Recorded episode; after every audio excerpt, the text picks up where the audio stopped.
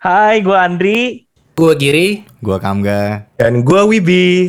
Kita semua dari Upah Minimum Gamer.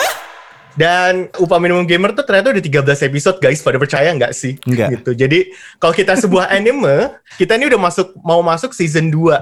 Nah, untuk season 2 episode 1, kali ini episodenya spesial banget. Bukan spesial Imlek, bukan spesial Valentine. Kenapa spesial? Karena kita ngundang salah satu pesohor pesohor mungkin sebutannya pas kali ya pesohor. Salah satu orang yang terkenal di dunia uh, game developer di uh, Indonesia yang udah mengeluarkan suatu karya yang sangat amat booming nih.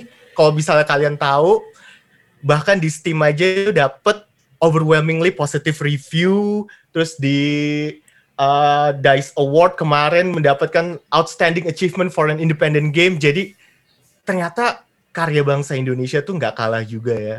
Kalau kalian belum tahu gamenya apa, kalian pada ke mana aja sih sebetulnya selama ini?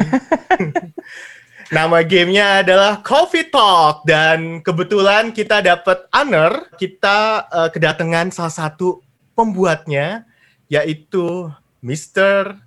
Andrew Jeremy atau biasa dipanggil AJ tapi nanti kita tanya aja mau dipanggil apa aja. ya nggak Mas Mas Andrew, Mas AJ. Iya, iya. Oke. Nah, untuk pertama-tama mungkin kita sebelum masuk ke gamenya sendiri, uh, gue mau nanya background dari Mas Andrew Jeremy ini apa sih gitu kayak di mana kuliahnya, Mas Andrew itu umurnya berapa dan apa hobinya mungkin bisa jelaskan supaya nih para pendengar-pendengar ini tahu siapa sih di balik pembuat mahakarya Coffee Talk ini. Silahkan Mas AJ. Oke, terima kasih untuk waktunya. Uh, gue Andrew. Nah, biasa kalau di Toge memang dipanggil AJ. Uh, itu udah dari masa kuliah dulu sampai ke bawah sampai kerja sekarang. Karena emang uh, temen gue sendiri ini CEO dari Toge, jadi dia ngajakin gabung. Kira ya udah kita kerja bareng udah hampir kira-kira berapa ya? 10 tahun ya. 11 hmm. tahun jadi gue udah gabung di Toge Productions itu dari tahun 2010. Jadi kita udah udah 11 tahun lah kira-kira untuk tahun ini gitu. Nah, kebetulan kalau sebenarnya gue sendiri sih nggak terlalu terkenal ya di dunia game dev di game industri. Belum. Maksudnya belum belum ya sabar lah ya. Sekarang terkenal sih. Pasti sekarang terkenal. amin amin. amin amin. Jadi memang untuk yang Coffee Talk ini yang lebih berperan itu adalah emang writernya ya, karena salah satu yang banyak dilihat dari Coffee Talk ini dari ceritanya, dari naratifnya. Okay. Itu uh, salah satunya emang dari writer kita, tapi udah nggak di Toge sih. Sekarang udah dia udah keluar dari Toge.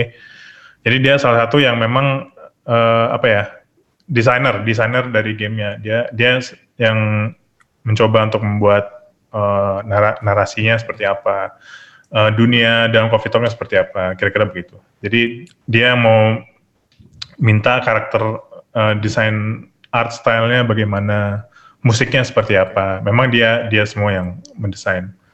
Nah, kebetulan gue sendiri sih untuk di project ini gue pegang musik dan sebagai produser. Jadi gue uh, di bagian project manager, di mana gue uh, membantu untuk agar produk ini apa project ini selesai gitu sampai sampai bisa dirilis ke publik. Nah, uh, ya jadi gue sebagai project manager dan sebagai uh, music composer dan audio director lah ya kira-kira. Gue mau nanya uh, untuk pingin tahu sebetulnya kan setelah gimana sih uh, Mas AJ kan udah masuk di Toge Production sebetulnya mm-hmm. background kuliahnya Mas AJ itu apa sih mungkin bisa yeah, yeah. inspire orang-orang yang ada pingin join juga gitu ke game developing. Oke, okay, jadi memang kalau gue sendiri sih gue lulusan computer science di BINUS ya, hmm. Bina Nusantara. Sebenarnya dulu nggak ada kebayang sama sekali sih untuk masuk ke dunia game, apa game industri game. Dulu bercita-cita sekali jadi hacker sih sebenarnya. keren. Mulia sekali. Keren. Mulia sekali ya tuh. Ya, tapi singkat cerita memang itu tidak kejadian. Akhirnya uh, malah karena gue di klub di uni gue dulu, dengan teman gue, gue ikut klub dia, klub dia uh, klub apa ya, sinematografi ya. Hmm. Nah gue sering bikinin dia musik-musiknya.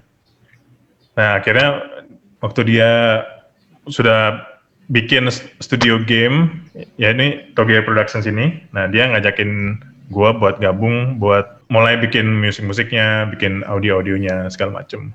Nah kebetulan juga gua bisa belajar karena kan gue dari computer science ya, gue juga belajar programming, walaupun sebenarnya gue nggak terlalu suka programming.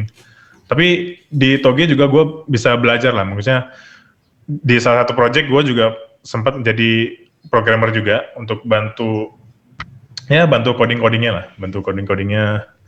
Eh, tapi untuk saat ini akhirnya gue bisa lebih ke apa ya, lebih fokus untuk jadi produser atau project manager dan music sih sekarang. Ya jadi Kenapa bikin Coffee Talk? Ya, Mas Eji. Nah. Maksudnya dari dari sekian banyak eh, bentuk game yang bisa Mhm. dibikin ya gitu. Kenapa tema ini? Mm-mm. Nah, sebenarnya kalau melihat dari komposisi apa ya eh, skill-skill yang kita punya dari eh, member Toge, dari staff Toge, dan dari apa ya dari CEO kita juga kita kita nggak pernah ngelihat eh, studio kita tuh mau bikin visual novel. Jadi kita lebih kuat game-game yang ke arah apa ya, yang lebih ke mekanik gitu. Game ke seperti strategi, kayak eh, kita mau coba yang manajemen, tycoon yang seperti itu ya. Hmm. Nah, kita nggak pernah kepikiran untuk bikin sesuatu yang yang sangat-sangat apa ya naratif driven gitu, yang yang benar-benar harus kuat di story. Karena memang dari kita sendiri juga nggak ada pengalaman gitu untuk bikin game seperti itu. Nah, kebetulan waktu itu tahun berapa ya 2017 kalau nggak salah. Jadi kita memang kita punya salah satu eh, anggota di Toge yang memang dia dulu jurnalis dan dia suka apa ya suka menulis gitu. Dia dia senang jadi writer kan. Kita di suatu hari di Toge kita melakukan namanya game jam. Game jam itu kita berkumpul bareng-bareng, kita kumpulin ide, siapa yang punya ide game ini, nanti kita coba bikin gamenya bareng-bareng.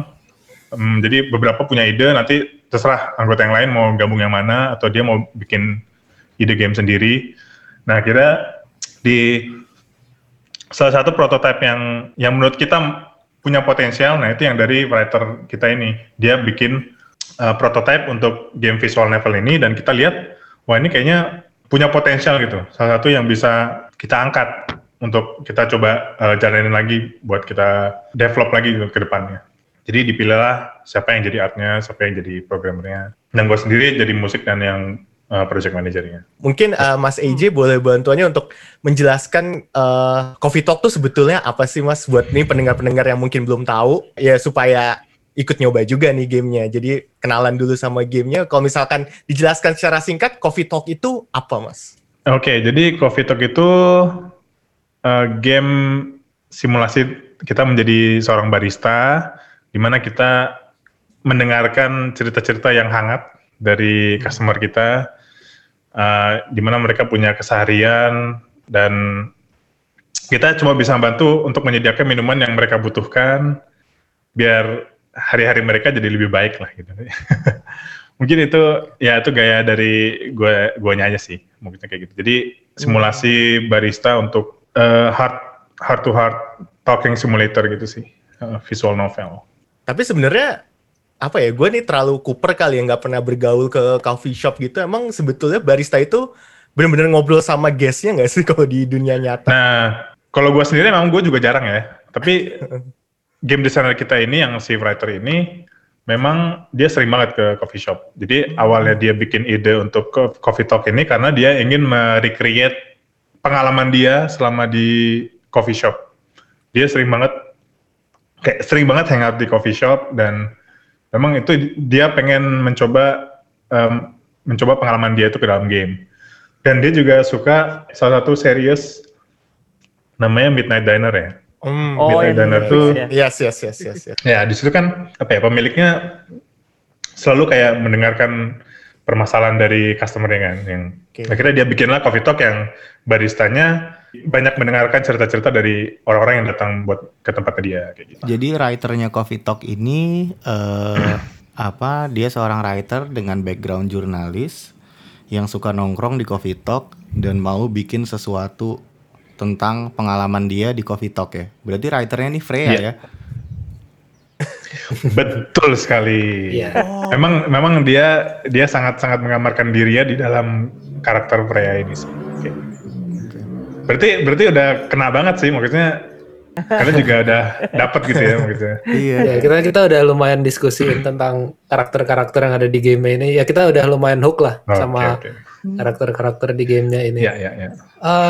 gue sebenarnya ada pertanyaan untuk eh, tadi kan eh, mungkin ini berawal dari kayak game mechanics sama story-nya dulu kali ya. Terus Hmm. habis itu eh, apa nih kayak faktor yang dibikin tuh kayak musiknya dulu apa cast eh, desain visualnya gitu. Soalnya dua-duanya gue pikir strong banget nih di Coffee Talk. Kalau untuk musik sih sebenarnya dia kita jalan paralel aja sih. Karena memang dari awal juga dia minta gue pengen musiknya itu yang kayak musik-musik uh, chill hop, uh, lo-fi hip hop kayak di chill cow kayak gitu-gitu ya. Ya udah akhirnya langsung dijalanin aja gitu. Paralel dengan kita ngerjain karakternya juga, dengan artnya juga. Tapi memang awalnya kalau dari game desainernya sih dia dia sebenarnya udah udah kerangka besarnya dia udah dapat gitu. Nah dia tinggal minta ke artis kita untuk bikinin uh, karakter-karakternya seperti apa, siapa aja, uh, dan dengan biografisnya mereka masing-masing untuk apa ya membawa uh, ceritanya itu ke gamenya. Oh, sebenarnya mau gue tanyain juga eh, dari si karakter-karakternya kan ini eh, variatif banget ya. Tapi Hmm. ada satu sisi yang kayak ini related to some- seseorang. Kalau gue pribadi tahu gara-gara Giri pernah mention Ra- Rachel Florenza itu salah satu ini loh model. Oh gitu. Dari situ mulailah hookups. Apa emang bener karakter-karakternya itu based on sebenarnya ada based on real life-nya juga kah? Kayak tadi Freya sebenarnya itu kayak eh, virtual avatarnya si writer sendiri gitu. Apa yang lainnya juga kurang lebih sama kayak gitu, inspired by real person. Kalau inspired real person mungkin secara nggak langsung paling ya, mungkin ya. Jadi beberapa karakter tuh emang kita eh, desainernya memang ngelihat untuk karakter ini dia seperti orang seperti apa gitu. Yang karakter ini seperti apa. Itu secara general aja sih.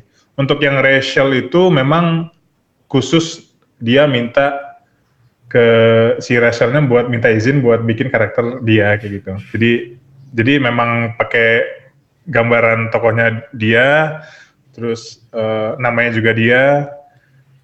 Eh, Oh, untuk bapaknya untuk bapaknya sih enggak sih ya, maksudnya bapaknya itu sih eh, Fiksi. memang beda sendiri sih, Eh, beda-beda. Kirain Itu, bapaknya di- itu dibikin Oh, sendiri, memang Iya, berarti jangan-jangan eh, pa- writernya itu sebenarnya adalah wibu kali ya. Bukan Jepang-Jepangan. sangat di Jepangan sih. eh sebagai lead lead project developernya sendiri salah satunya ya eh, menurut Mas EJ susah nggak sih apalagi terutama nih pekerjaan yang mungkin masih rada asing di Indonesia gitu kayak supaya Ya, kita nggak penonton- kebayang. Uh-uh. kita kita belum kebayang nih sebetulnya workloadnya kayak apa kesusahannya challenge challenge-nya kayak apa dan apakah apakah nyantai apakah kayak orang kantoran yang mungkin harus pakai seragam ke kantor terus apa harus kayak hierarki ya kayak eh, leader itu kayak benar-benar ya gimana ya kaku atau jadi kayak teman gitu kita nggak kebayang sih Soalnya kita semua sebenarnya gamer, terus namanya juga upah minimum gamer. tapi ini Mas EJ yang benar-benar dapat gaji dari gamer, dari gaming gitu kan. Terus kayaknya. ya, is it is it possible dan apakah emang nih career opportunity yang menarik buat kita kejar gitu sebetulnya sebagai game developer khususnya di Indonesia? Hmm, Oke, ini mau mulai dari mana dulu nih? Oh iya, sorry tadi pertanyaan jadi banyak ya. Jadi mana? Uh, environment-nya dulu aja gimana ngelit projectnya kayak apa? Apakah sulit atau enggak? Oke, mungkin apa ya? Karena berhubungan dengan industri kreatif ya. Kreatif itu memang justru jangan terlalu rigid juga kali ya. Maksudnya karena kita harus sering melakukan iterasi-iterasi agar apa ya? Apa yang kita kerjain itu jadi nggak terlalu kaku gitu. Maksudnya Yap. karena suatu yang kreatif kan nggak semudah itu kan. Jadi kita harus selalu coba melakukan perubahan-perubahan yang mungkin sebenarnya ini dirasa kurang bagus. Kita coba lagi yang lain. Kita perbaikin lagi, perbaikin lagi. Memang kalau di studio kita juga kita juga benar-benar nyantai sih. Namanya juga studio ya. Jadi benar-benar nggak kayak kerja kantor. Eh, untuk proyek ini kita memang pakai eh, metode agile ya. Apa sih itu istilahnya kalau bisa kerja dari mana pun Remote bisa working. paralel Iya. Ya, Gitu bukan? maks- maksudnya em, kita menggunakan metode agile itu dalam sistem ini ya project manajemennya. Jadi di mana kita melakukan eh, banyak iterasi karena kita tidak bisa ngelihat eh, produk ini bakal jadi sesuai kita dengan cuma jalan gitu doang gitu maksudnya. Jadi Lebih harus banyak hal-hal gitu yang ya? terus ah benar-benar. Jadi harus banyak yang diperbaikin, harus banyak yang karena kita juga harus sering-sering eh, tahu marketnya ini cocok nggak sih game ini cocok nggak sih ke market ini? Dia market ini bakal seneng nggak sih untuk eh, fitur-fitur yang seperti ini kayak gitu loh. Jadi Mhm. kita harus terus konstan untuk melakukan perbaikan. Kita tahu dari validasi dari marketnya eh, hal-hal apa aja yang kurang. Nah itu yang harus kita tambahin. Apa hal-hal apa aja yang sebenarnya kita nggak perlu ini ya udah kita buang gitu. Karena itu selalu akan selalu berubah gitu maksudnya. Akan selalu berubah. Jadi untuk project manager yang belum terbiasa melakukan hal itu memang eh, apa ya? Memang harus belajar sih untuk terus apa ya mencari problem-problem eh, intinya harus diperbaikin lah ya. Untuk saya sendiri sih baru pertama kali ya untuk jadi project manager.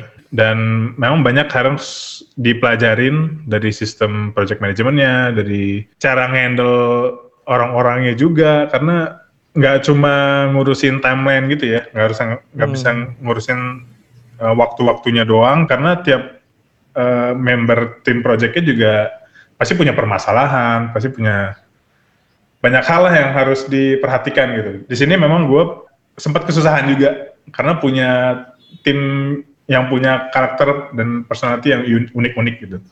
Nah di situ gue juga banyak belajar gimana untuk menghandle mereka, gimana untuk Hmm. bikin mereka tetap happy dan gak burn out untuk bikin game yang genrenya kita jarang bikin gitu. Suatu yang benar-benar baru semua, semuanya baru gitu. Jadi nggak cuma masalah uh, orang-orangnya doang. Salah satu yang sangat sering mengalami kesulitan tuh di bagian uh, writer's block untuk game visual novel kan. Nah itu Mhm. gimana kita bisa menghandle waktu yang dengan baik karena writer sendiri kadang-kadang suka bingung, suka masih nggak dapat inspirasi kayak gitu-gitu kan, jadi bakal delay, bakal delay kayak gitu. Nah itu di sini gue masih rada kelimpungan lah untuk jadi project manager karena gue sendiri gue jadi megang dua role sebenarnya kan di sini sebagai project manager dan sebagai music. Nah itu sebenarnya harusnya sih untuk apalagi untuk di dunia kreatif itu mungkin sebaiknya jangan ya. Jadi harus benar-benar yang dedicated untuk ngatur waktu di mana yang timeline itu bisa berubah-ubah gitu. Eh, proses iterasinya untuk perubahan fitur-fitur dan segala macam dari game itu bisa konstan terus terjadi gitu. Sementara gue harus mikirin musiknya lagi, audio lagi. Itu salah satu pelajaran yang benar-benar harus dipegang, harus benar-benar dia yang dedicated untuk ngurusin timeline itu. Berhubungan dengan timeline proyek ini, terutama Coffee Talk ini, em, ada nggak sih timeline yang di set dari awal kayak proyek ini harus selesai misalnya tanggal sekian eh, atau bulan sekian gitu terus eh, apakah eh, kayak gitu cara ngesetnya atau eh, tergantung seselesainya gitu? Nah, memang awalnya sih untuk project ini kita karena kita ngeliat oh ini kayaknya cuma visual novel nih, maksudnya scope-nya kayaknya nggak nggak besar gitu kan kita lihat. Jadi kita memang awalnya ngeset game ini udah, udah bisa dirilis eh, enam bulan dalam enam bulan. Tapi yang terjadi adalah ternyata di delay sampai dua tahun. Wow, Am, jauh dua tahun lebih lah ya kira-kira ya. ya. Nah itu karena karena permasalahan-permasalahan itu. Jadi gua sendiri mungkin belum terlalu bisa untuk memanage waktu dengan baik. Mungkin gua ada apa ya masalah untuk nggak langsung mencari problem-problem itu. eh, problem apa aja yang mesti langsung di tackle gitu. Dan di mana salah satunya itu adalah writer's block. Jadi waktu itu masih belajar banget lah gimana sih ngendel ngendel writer's block yang seperti ini. Ini delaynya bisa sampai kepanjangan. Ini karena bikin cerita yang bagus itu benar-benar sulit banget, sulit banget sih emang. Karena Tapi kalau kita nggak bisa bikin cerita gitu doang kan, maksudnya harus yang orang bisa kena gitu. Experience dari playernya bisa kena gitu. Nah itu yang susah banget. Ini kan eh, antara rilis 6 bulan atau 2 tahun lebih milih mana nih kalau misalnya ngelihat kayak sekarang kayak gini ada well, regret jadinya nggak? sih kita nggak tahu juga ya kalau misalnya bisa memang bisa terjadi rilis enam bulan kita nggak tahu juga sih kualitasnya bakal seperti apa gitu kan. Hmm. jadi ya untuk saat ini sih ya bersyukur aja sih maksudnya walaupun delay tapi ya, akhirnya banyak hal yang perbaikan yang memang harus kita lakukan. Dan sehingga kita bisa di tahap kualitas yang memang udah di standar kita lah kita pengennya seperti ini. Bahkan lebih lah gitu ya. Dan akhirnya bisa sangat diterima di luar di di, di publik dan ya kita kita senang sih untuk hasil yang sekarang Tapi Mas Eji berarti selama dua tahun itu eh, biasa kan kalau misalnya kita apalagi kalau kalau kerja bareng teman paling kayak cuma setahun timnya udah ganti. Ini selama dua tahun apa ada perubahan dari tim juga atau emang ini tim yang sama eh, yang dari awal bikin sampai akhirnya selesai itu sama apa gimana Mas Eji? kalau dari kita sih sama ya Oh, berarti solid Ya. semuanya. Ya, kalau dibilang solid, nah ini ini juga permasalahannya maksudnya banyak hal yang memang untuk membuat timnya solid juga ya itu butuh perjuangan juga sih. Karena bikin apalagi game yang game yang dengan scope sekecil ini untuk dua tahun kan apa ya? Mereka bisa ngerasa burnout sih. Mereka bisa ngerasa bosan, jenuh. Tapi ya akhirnya bisa sih, akhirnya bisa Akhirnya bisa. terselesaikan ya ya udah. Kayak Mas Eji berarti kayak ini dong ibaratnya kayak kayak ibunya. Iya, Ibu bener. dari Toge Production kayak lu eh, kamu gimana gimana kerjaan sampai mana kenapa butuh apa yang kayak gitu Iya, gitu betul kurang sih. lebih Mas ya. Iya kurang lebih kurang lebih kita harus tahu juga kan maksudnya keadaan mereka seperti apa.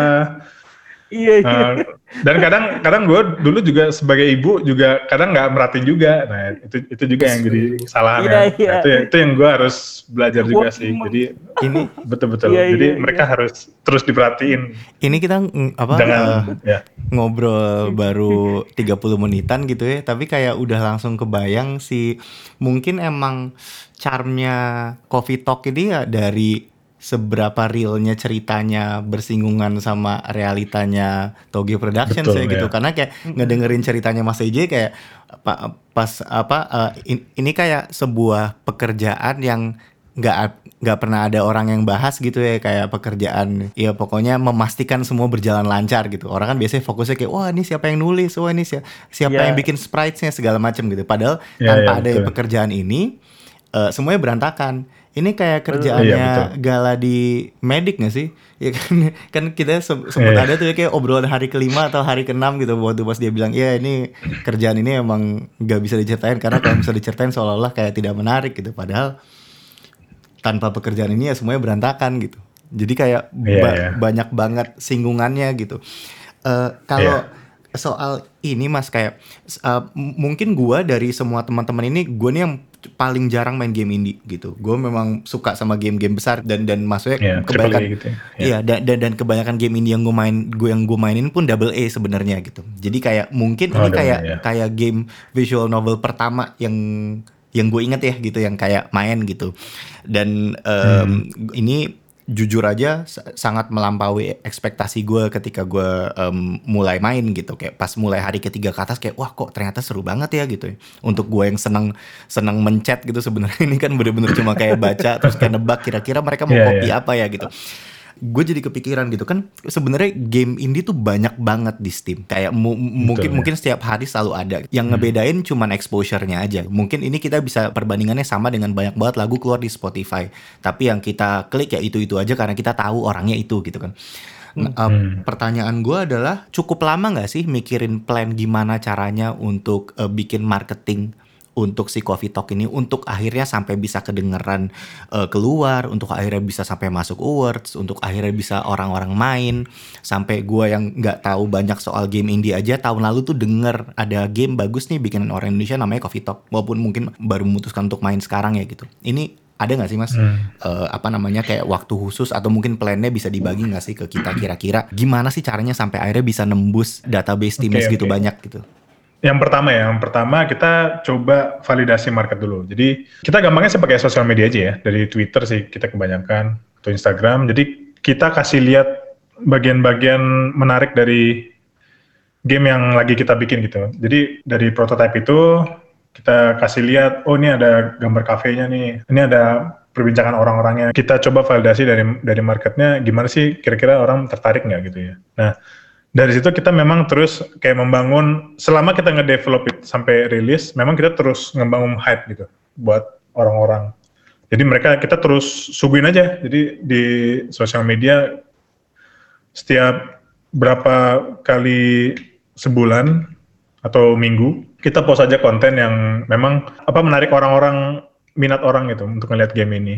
Jadi kita terus bikin, kita terus bikin sampai kita rilis itu pun kita terus lakukan gitu. Jadi salah satu yang paling mudah kayak gitu ya. Jadi kita coba berikan konten yang menarik buat mereka.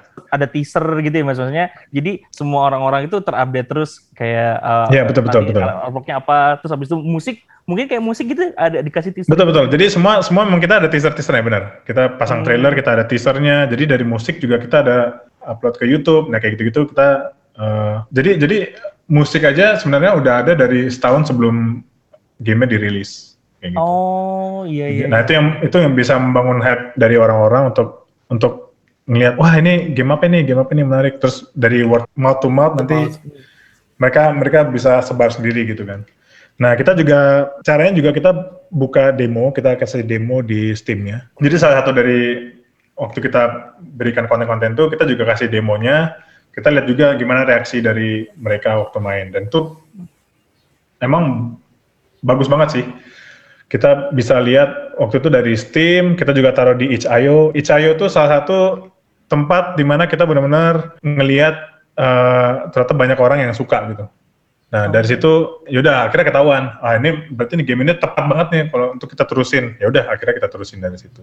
Nah dari situ ya kita terus perkuat aja uh, pemakaian sosial media. Jadi kita cari tahu waktu-waktu yang pas kebetulan karena kita mencari market di US kan ya. Jadi kita mencari waktu-waktu time-time yang pas untuk kita bisa dapat traction dari mereka, dari apa eng- engagement dari pemain luar. Jadi hmm, kita udah set tuh waktu-waktunya untuk post konten apa aja, waktunya kapan, dan tuh kayak rutin terus sampai sampai rilis kayak gitu. Dan sebelum rilis pun kita bahkan bikin kayak semacam fan art contest yang seperti itu, uh, latte art contest. Nah itu di mana bisa tetap mempertahankan hype yang udah ada. Kalau bisa lagi ya kita bangun lagi hype yang lebih banyak lagi. Kita juga bangun wishlist juga dari Steamnya. Dari situ kita bisa kelihatan, wah ini ternyata banyak banget yang wishlist. Walaupun mungkin kebanyakan juga nunggu diskon kali ya. Iya. nah, tapi ya, yang penting yang penting kita kita jadi bisa tahu lah data-data yang kita butuhkan buat kita uh, strategi kita apalagi nih ke depan.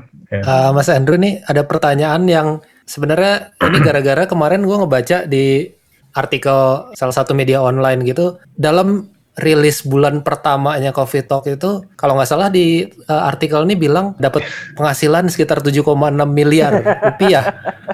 Uh, maksudnya itu itu benar apa enggak? Terus kalau misalnya memang benar, menurut gue itu cukup gede ya. Gue nggak tahu uh, standarnya game-game itu rata-rata gimana ya. Tapi ini kan berarti bulan pertama udah bisa ngebangun hype segitu gede. Tapi entah kenapa gue punya pemikiran kalau kesuksesannya Coffee Talk itu bukan di bulan pertama, tapi setelah berapa bulan-bulan setelah itu ada review-review dari misalnya YouTuber atau games you must play apa gitu-gitu kan banyak banget yang masukin Coffee Talk di list mereka dan gue pikir gue juga pengaruh untuk finally beli Coffee Talk tuh setelah ngelihat segitu banyaknya review itu sih. Apakah benar bulan pertama itu paling besar apa kesuksesan itu setelah berapa bulan oke. setelah itu? Oke, untuk yang pertanyaan pertama, yang pasti kita nggak mungkin kasih detailnya lah ya. uh, Iyalah, buat jangan lah. media.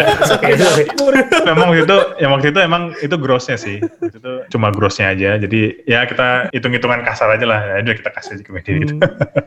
Kalau yang kedua sih, kalau bisa dibilang sebenarnya memang yang kuat itu di bulan-bulan awal sih. Karena kan memang udah banyak orang yang wishlist kan, udah banyak yang nungguin gitu untuk uh, full rilisnya. Jadi jadi waktu rilis memang banyak banyak langsung yang beli. Nah, yang bulan-bulan berikutnya memang karena banyak yang mainin kan banyak yang nge-stream gamenya, terus banyak juga exposure dari media-media internasional. Nah itu memang masih lumayan kuat lah, walaupun nggak sebesar yang di bulan pertama, Hmm. tapi dia masih oke lah, masih kuat gitu. Jadi yang diekspos dari media-media ini membantu untuk menjangkau orang-orang lain yang belum tahu gitu gamenya.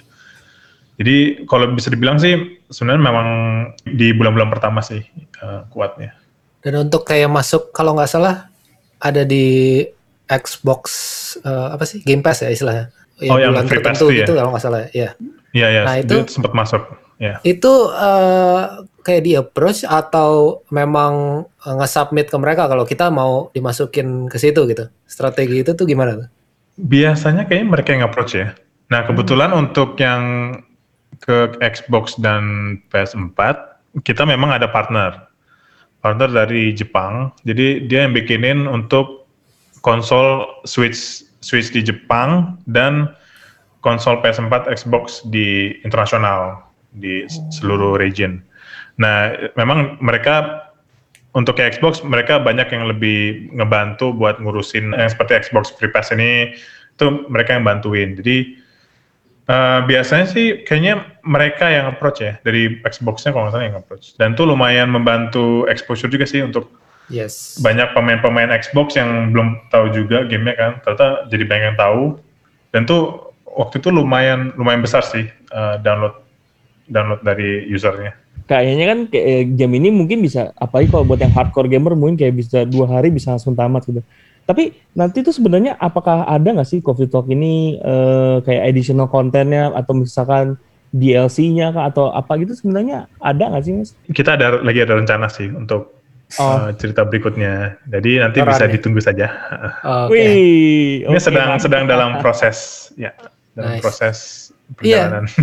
uh, ini gue ngeliat ya. updates kemarin nih yang uh, terakhir-terakhir ini ada localization ke bahasa-bahasa lain ya, tapi uniknya kayaknya gue nggak ngeliat ada bahasa Indonesia di situ. Kenapa belum ada untuk game Indonesia gitu? Karena apa ya? Kita memang sebenarnya pemikiran kita sih memang karena kita nggak market marketnya nggak ke Indo kan awalnya. Jadi hmm. jadi kita oh, belum langsung ya? yang uh, belum kita lebih kuat kita cari-cari pasar yang memang lebih menguntungkan lah maksudnya di luar tuh seperti seperti di Amerika, ya. seperti di Jepang, hmm. Korea. Korea juga lumayan sih, Korea, Cina. Oh. Yang seperti itu ya. Jadi kita lebih fokus ke yang Eropa juga kayak gitu-gitu. Jadi Nah, kebetulan kita udah ada update terbaru itu modding, modding system. Nah, kita bisa masukin bahasa kita sendiri. Kita jadi bebas masukin uh, sesuai bahasa kita sendiri. Jadi hmm. Untuk saat ini sih jadi uh, untuk Indonesia mungkin bisa dari situ ya. Kita bikin dari mod moddingnya, dari modding sistemnya kita masukin aja bahasa Indonesia. Nanti dari Steam Workshopnya orang bisa download bahasa Indonesia. Jadi mereka download, mereka aktifkan modnya dan bisa ngeplay dengan localization Indonesia gitu. Oke, jadi emang karena target marketnya itu memang uh, lebih yeah. luar dan Betul. global, makanya Betul. settingnya itu di Seattle ya, bukan di bukan di uh, Indonesia Jakarta, atau gitu. Oh, yeah. ya gitu gitulah kota-kota Asia gitu misalnya. Tapi Seattle kenapa itu gitu kan agak-agak tergelitik di situ kan. Di sana kan Starbucks Starbucks pertama kali di sana kan ya kalau salah ya. Jadi oh. hmm. jadi salah satu idenya di, di situ juga sih. Jadi gimana kalau kita pakai culture coffee ya? ya yang punya culture coffee yang kuat itu salah satunya di Seattle sih.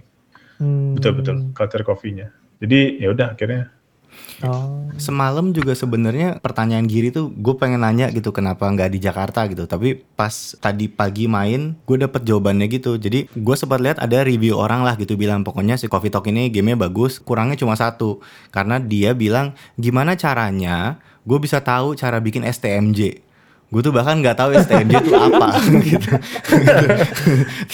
terus terus terus uh, abis itu sempet ada uh, kan di setiap hari kan si Freya tuh pasti ada nulis buat di korannya dia gitu kan cerita-cerita pendek kayak gitu kan terus ada satu cerita pendek yeah, tentang betul. tentang yeah. satu cowok yang yang yang jatuh cinta sama satu cewek di bus ketika mereka lagi naik bus di Jakarta terus di sana dijelasin banget kalau naik bus di sana harus bah apa bahaya karena banyak copet segala macem terus mereka turun di Plaza Senayan gitu dari situ tuh gue yang kayak malah kayak ini lebih Indonesia dia sih daripada sekedar bikin iya. dia daripada sekedar bikin coffee talk di Jakarta gitu. Jadi kayak wah sebagai orang Indonesia tuh jadi kayak ih kayak gue lebih ngerti deh game ini ketimbang orang Amerika yang main gitu.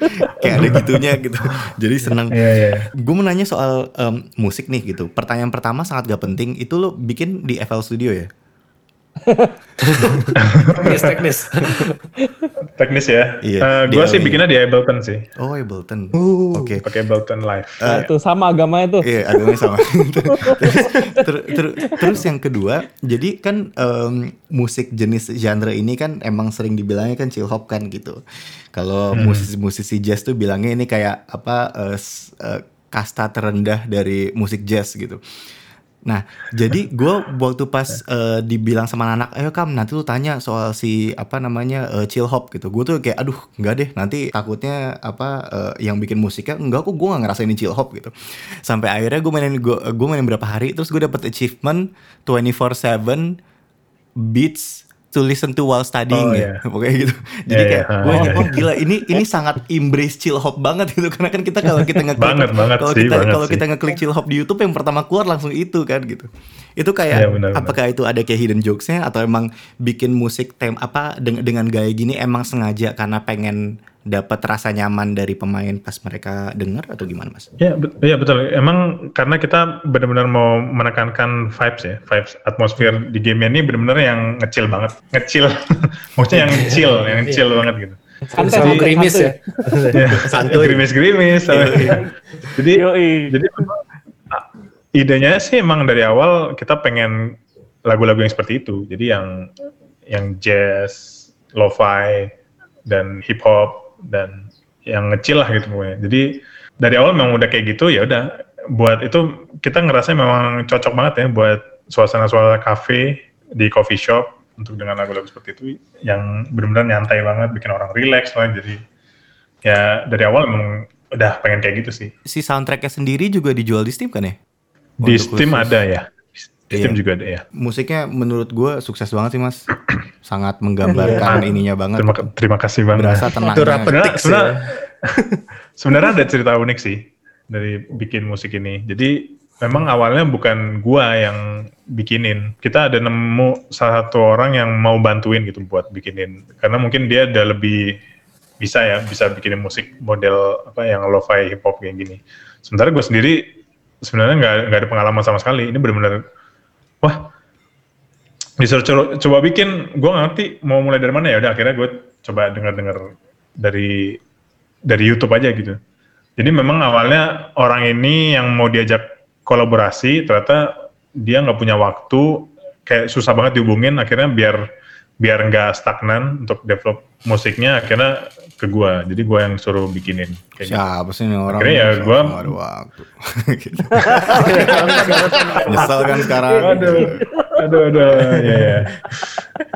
Jadi kita jadi akhirnya gue belajar sendiri sih, belajar benar-benar eh, coba-coba gimana sih bikin lagu-lagu lo hip hop. Walaupun gue juga ngerasa kayaknya, aduh ini lagunya nggak sekeren yang di YouTube gitu. Tapi anak-anak di tim member Coffee Talk juga bilang, maksudnya nggak apa-apa, ini maksudnya style lu sendiri aja. Jadi nggak usah malu lah, maksudnya untuk bikin walaupun nggak nggak apa ngerasa nggak sekeren dan semirip yang di YouTube tapi oke lah maju aja terus kayak gitu Keren mas. Keren. kira ya udah Keren, keren, keren. Keren. Tapi by the way ngomongin soal musik jadi pengen jadi penasaran. Eh, Mas Eji sendiri ada nggak sih eh, heavy inspirednya siapa misalkan kayak pasti kan nggak mungkin kalau misalnya orang yang nggak suka musik langsung ter- bakal terjun untuk nyobain bahkan bikin produksi gitu. Apa emang dulunya suka ngeband kah atau gimana gitu mas? eh, dulu ya dulu gua anak band sih Ah, Dulu anak band jadi jadi gua drummer dulu jadi aktivitas hobi musiknya dari band itu. Nah tapi itu gue cuma sampai SMA nah pas kuliah gue udah nggak ngeband lagi. Tapi gue tetap ngedrum itu di gereja sih. Gue tetap ngedrum di gereja. Hmm. tapi eh, gue apa ya tetap belajar terus sih untuk musik karena kan memang di Toge ini gue juga sebagai music composer kan. Jadi ya Hmm. beberapa project memang gue bikin sendiri. Ya udah gue belajar dari situ. Gue nggak pernah sekolah musik sih. Dulu pengen sekolah musik tapi kayak dibilang aduh jangan dong harus ikut bokap kayak ini apa teknik industri dulu jadi harus yang Ah, yang insinyur insinyur kayak gitu dulu insinyur. tapi akhirnya malah masuk jadi komputer gitu. Nah, memang karena gua sering bikinin musik buat teman gua ini eh, dulu pas di Oh. kuliah, jadi diajakinnya bikin musik aja. Nah di situ di situ gua juga masih masih apa ya masih zero experience banget sih untuk bikin game-game eh, apa lagu-lagu game. Ya Hmm. tapi dari situ ya belajar aja. Jadi biar coba semakin bagus semakin bagus kayak gitu. Uh, ada nggak sih ya spesifik nama-nama misalnya indie game yang sekarang banyak beredar lah uh, misalnya kayak ada uh, kayak Slay the Spire atau Hades apa gitu yang jadi kayak inspirasi kenapa sih Coffee Talk ini uh, approach-nya harus seperti ini gitu misalnya apakah art style-nya atau misalnya kayak scope gamenya itu seperti apa soalnya gue ngerasa ini memang pakai formula-formula yang gue pikir work sangat baik gitu untuk uh, sebuah indie game gitu. Untuk bikin indie game yang sukses kan memang kita harus kayak punya suatu yang ngehook kan. Untuk suatu hmm. yang memang game-game lain banyak yang nggak punya gitu. Nah, tapi dulu memang terinspirasi salah satunya karena rilis Valhalla ya. Game Valhalla dulu oh. visual novel juga itu. Nah itu memang kita lihat kayak hype-nya juga bagus kan waktu itu. Dan kita lihat di pasar juga game yang seperti ini cuma itu doang. Kita jadi mencoba mengisi ke segmen situ. Di mana mungkin orang-orang yang main Valhalla pengen main game lagi yang seperti itu. Nah kita, kita coba ngisi ke situ dan kita coba juga memang orang-orang yang suka visual novel secara general dan juga yang suka hal-hal yang apa vibes relax kayak gitu. Soalnya emang bener sih apalagi kalau uh, gue sempat nge-research juga sih gimana sih tanggapan orang-orang. Jadi kayak basically orang tuh nganggap game ini adalah lebih kayak sebuah oasis gitu di saat teman-teman udah pada bosen mulai nge-grinding lah eh, atau main misalkan kebanyakan main Dota kalau aduh capek tapi gue pengen main game menurut yeah, gue yeah. ini ini sebuah solusi sih karena gue termasuk kayak gue capek pulang kerja tapi gue pengen main game gitu pengen ke dunia yang lain ini bisa menjadi solusi yang sangat tepat sih karena lu sebenarnya nggak harus yeah. yang mikir atau gimana, tapi lu bisa berada di dunia yang lain, lu menjadi orang lain dan betul, betul. suasananya lebih chill hmm. gitu. Jadi ya ya. Rata-rata orang semua pada kayak gitu kan ya. Iya iya. mungkin kita bisa bilang apa ya mungkin nggak tahu laki tapi nggak mungkin nggak juga ya tapi ya memang tahun tahun ini game-game wholesome itu lagi naik banget game-game hmm. yang memangnya wholesome yang nyantai yang orang hmm. benar-benar mainnya aduh bikin terenyuh gitu heartfelt hmm. banget gitu rasanya warming banget apalagi waktu mulai pandemi ya yes, itu betul. banyak banget orang yang benar-benar cari game-game yang bisa nemenin mereka gitu loh gitu iya yang ada kayak rumah, touch lagi manusia cerita-cerita betul, kayak betul, slice iya. of life gini kan relate lah, ngobrol relate buat ke kita uh -huh. juga ya jadi momennya memang untuk coffee talk ini kayak apa ya pas, pas. banget gitu sih. Ya. Oh, kan yeah. kayak yang kasusnya Among Us sebenarnya mereka udah rilis main lama tapi ketika yeah. ada pandemi ini mereka sos eh, harus isolasi jadinya wah langsung meningkat. Wah, Mungkin iya, kayak teman-teman ini ya, di Coffee Talk juga uh, ya sama kayak kita pengen ngobrol gitu sebenarnya tapi kalau misalnya cuma kayak cuma sebatas zoom doang mungkin bosen nah, ini ada ada sebuah game yang bisa menawarkan hal tersebut hmm. gitu makanya oh, jadi iya.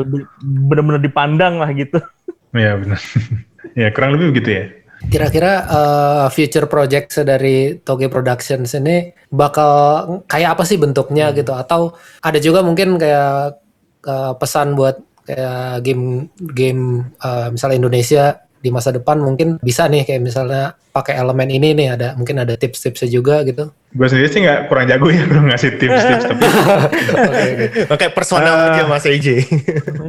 kalau future project memang salah satu yang kita ada lagi ada proyek lumayan ambisius sih. Jadi hmm. ini lagi dalam pengerjaan. Kode gamenya KF mungkin bisa dicari sendiri nanti pasti ketemu lah nanti. Okay, okay. Di okay. di Twitter juga ada sih sebenarnya. Okay. KF. Nah itu game yang kita mau bikin karena apa ya? Karena nostalgia. Jadi sesuatu game yang orang dulu pernah mainin tapi sekarang udah nggak ada lagi. Nah ini kita mau coba bangun lagi. Wah keren. Nah, gitu. Mantap, mantap. Ya ini lumayan lumayan ambisius dan ya doain aja semoga sukses. Oh pasti. itu platformnya kira-kira apa ya base-nya? Uh, di PC atau di konsol atau ya, mobile? Kita, kita untuk saat ini kita fokus developnya ke PC dulu ya, ke PC. Mungkin okay. pasti ke depannya bakal ada ke ke konsol sih, lebih ke konsol. K KF ya. itu KF ya, K, K dan F ya kodenya bawahnya. Ya, iyalah, apalagi. Ya, KF. Kirain K A E F gitu loh. Oh. K K F. Kalau bisa kalau gue boleh tambahin K F T. KFT. KFT, oke. Okay. Ya. Wah, kalau ada T jangan-jangan taktik sih. gitu. Nah. gue suka banget game tactics soalnya ya. Giri. Gue Nah, udah pasti Giri-giri masuk. ya. Ya ya ya. Dari Mas Eji sendiri, coba deh ada nggak uh, best game tiga best game yang menurut Mas Eji tuh Ah. yang selalu dipa- Boleh, dimainin atau ya ya the best aja lah. Oke. Kayak kita di sini rata-rata semua Final Fantasy. Kalau ditanya, Nah. boring banget jawabannya Final Fantasy. Gak sih ya. Final Nah, Fantasy. kebetulan gua adalah salah satu orang yang nggak pernah main Final Fantasy sama sekali. Oke. Hmm, Jadi- oke oke oke. Tapi gua suka game uh, S Combat. Hmm. S Combat, S jadi Combat. emang gua senang flight simulation, tapi yang pesawat tempur ya. Super Robot Wars lah ya mungkin. Wah, Wih, tactics. wah, tactics ini. Nyambung Ya. sih sama Giri kayaknya Mas Eji. Tek, ya gue suka taktiknya dan mungkin karena apa ya?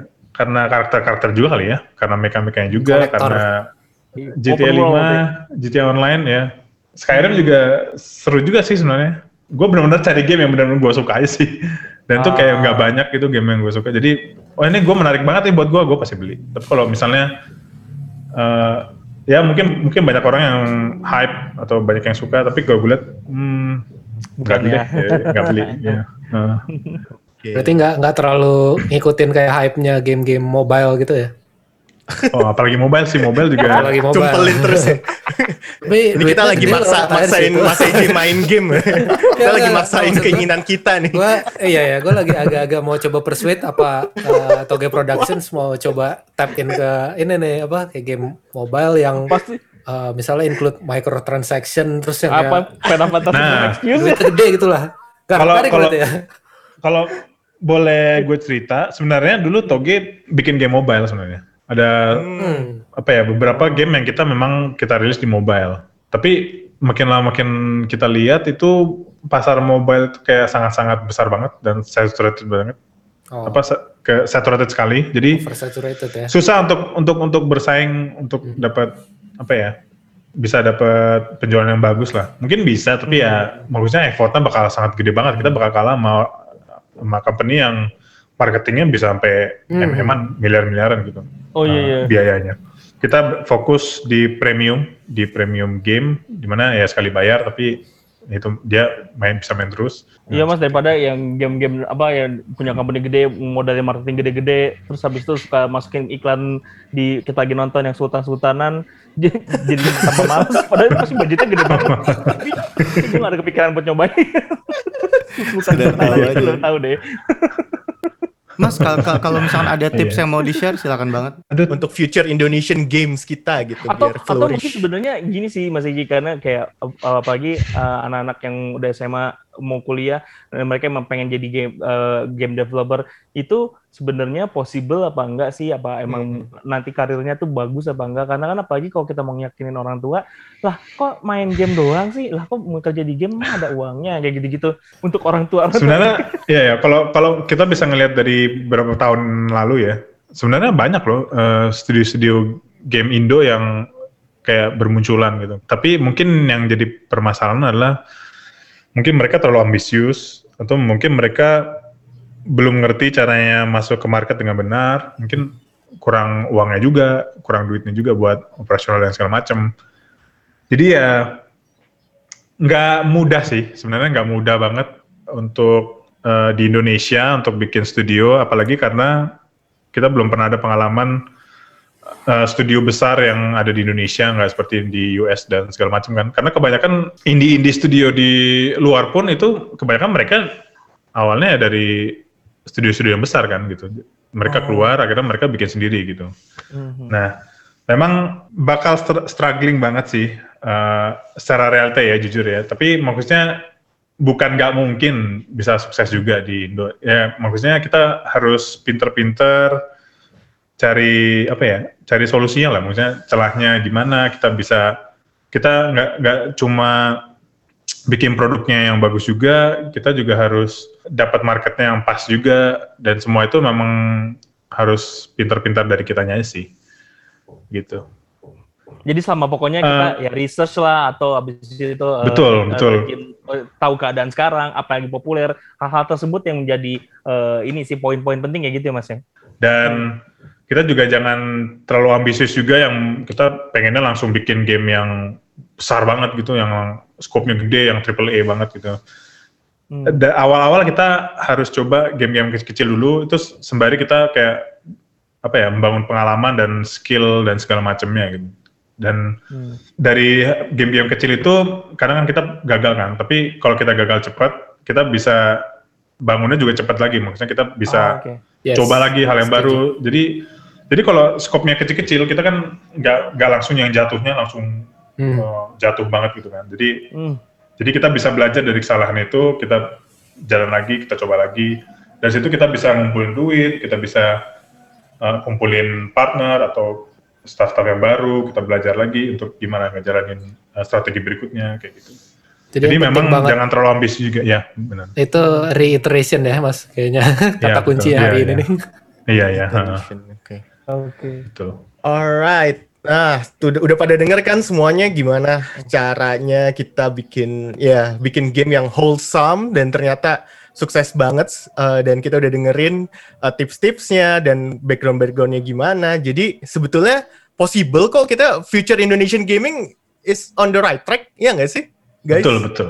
Ya, bisa optimis. Asal gitu ya, kayak ini kalau ini mau ngambil quote-nya Mama Dede, ambisi sih ambisi, asal sadar. Ada di pengajian saya mendengar. Terima kasih banget nih Mas Eje udah apa udah Sama-sama. ilmunya, Ya, thank you, memberikan thank kita juga motivasi eh, supaya apa dan Iya. inspirasi juga nih bagi upah minimum gamer yang pengen bener-bener nyari duit dari gaming gitu, apa pun Iya. bentuknya ya. Dan uh, hopefully uh, pendengar-pendengar yang dari upah minimum gamer yang mendengar ini juga tertarik untuk main gamenya sendiri dan mungkin siapa tahu ada yang aspire untuk jadi game developer juga dan bikin satu game wholesome dari Indonesia dan membanggakan nusa dan bangsa. Mantap. Oke, uh, sekian dari Eh, kalau mau ada pertanyaan langsung kepada kita, bisa kontak kita di Instagram at atau Twitter upah min gamer. Terima kasih udah mendengarkan. Dadah.